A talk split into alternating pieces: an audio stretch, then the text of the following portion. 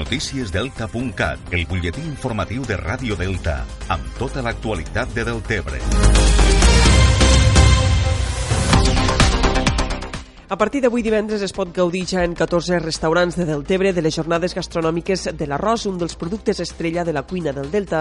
Les jornades s'allargaran fins al pròxim 22 de setembre i coincidiran amb les festes de l'arròs el pròxim cap de setmana. Els restaurants han preparat menús molt diversos i també presenten moltes maneres diferents de cuinar l'arròs, des del típic arrossejat fins a arròs amb cranc blau o bacallà.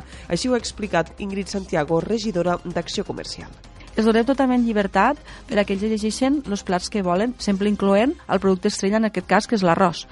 Eh, com tenim molt de ventall i molt de diferents tipus d'arròs que tenim al Delta, doncs llavors tenim un gran ventall de, dins el menú que tothom, en aquest cas que vulgui menjar un bon arròs, pugui escollir en funció del seu gust. En aquest mm -hmm. cas ens podem trobar des d'un arròs caldós amb gran blau, també trobem, podem veure el famós arrossejat, no? que és el típic del Delta, però també no podem trobar l'arròs de bacallà, que també arriba a molts de paladars, com també l'arròs amb llamentol, amb galeres, el preu dels menús oscil·la entre els 18 i els 45 euros i els restaurants participants són Cafeteria Criscar, Hotel Rull, Delta Hotel, Sushi MC, Casa Nicanor, Mas de Prades, Restaurant Paca, Embarcador 21, El Chiringuito del Port, Casa Nuri i Mas de Nuri, Lo Raconet de Fermín, Les Dunes i Restaurant Vistamar. Les pròximes jornades gastronòmiques tindran lloc a l'octubre amb la ruta de tapes, volta i tapat i al novembre tindran lloc les jornades gastronòmiques del Pato. L'espai Ebreterra reprendrà la programació de cursos de cuina este mes de setembre. Concretament, entre els mesos de setembre i octubre realitzaran quatre cursos, dos dels quals seran de cuina japonesa, un altre es dedicarà a la sommelieria i el maridatge i finalment se'n farà un de presentació de vins i begudes. Els cursos de cuina japonesa realitzaran entre el 16 de setembre i l'1 d'octubre i aniran a càrrec del formador Héctor Ribeiro en sessions de dilluns i dimecres o dimarts i dijous.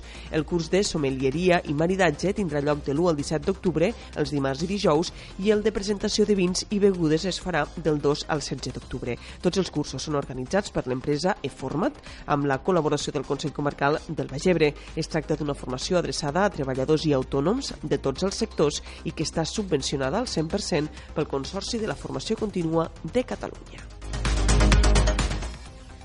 L'Ajuntament de Sant Jaume d'Enveja ha iniciat els treballs juntament amb el Parc Natural del Delta de l'Ebre per ampliar el número de visites turístiques que es poden fer a l'illa de Buda. Segons publica el setmanari L'Ebre, en l'edició d'este divendres, actualment esta reserva natural té l'accés restringit i l'Ajuntament de Sant Jaume d'Enveja només organitza dues activitats a l'any, una sortida turística en bicicleta, Buda Bike, al mes d'agost, i la romeria de Sant Pere. La voluntat de l'Ajuntament Sant Jaumero és, de cara a l'any 2020, poder ampliar este número de visites visites per poder promocionar turísticament l'illa. Això sí, es tractaria sempre de visites amb grups reduïts i de manera totalment controlada. I este cap de setmana s'inicia ja la Lliga a les categories territorials a la tercera catalana el Jesús i Maria, que va acabar líder la darrera temporada però que n'està sancionat no va poder ascendir de categoria, estrenarà el campionat al municipal Josep Otero de Tortosa contra l'Ebre Escola Esportiva. El partit serà demà dissabte a les 5 de la tarda. La Cava començarà la temporada amb el derbi del Taic a camp del Sant Jaume d'Enveja. El partit serà diumenge a les 4 i mitja de la tarda. Pel que fa a la quarta catalana, el campionat no començarà fins a finals de setembre.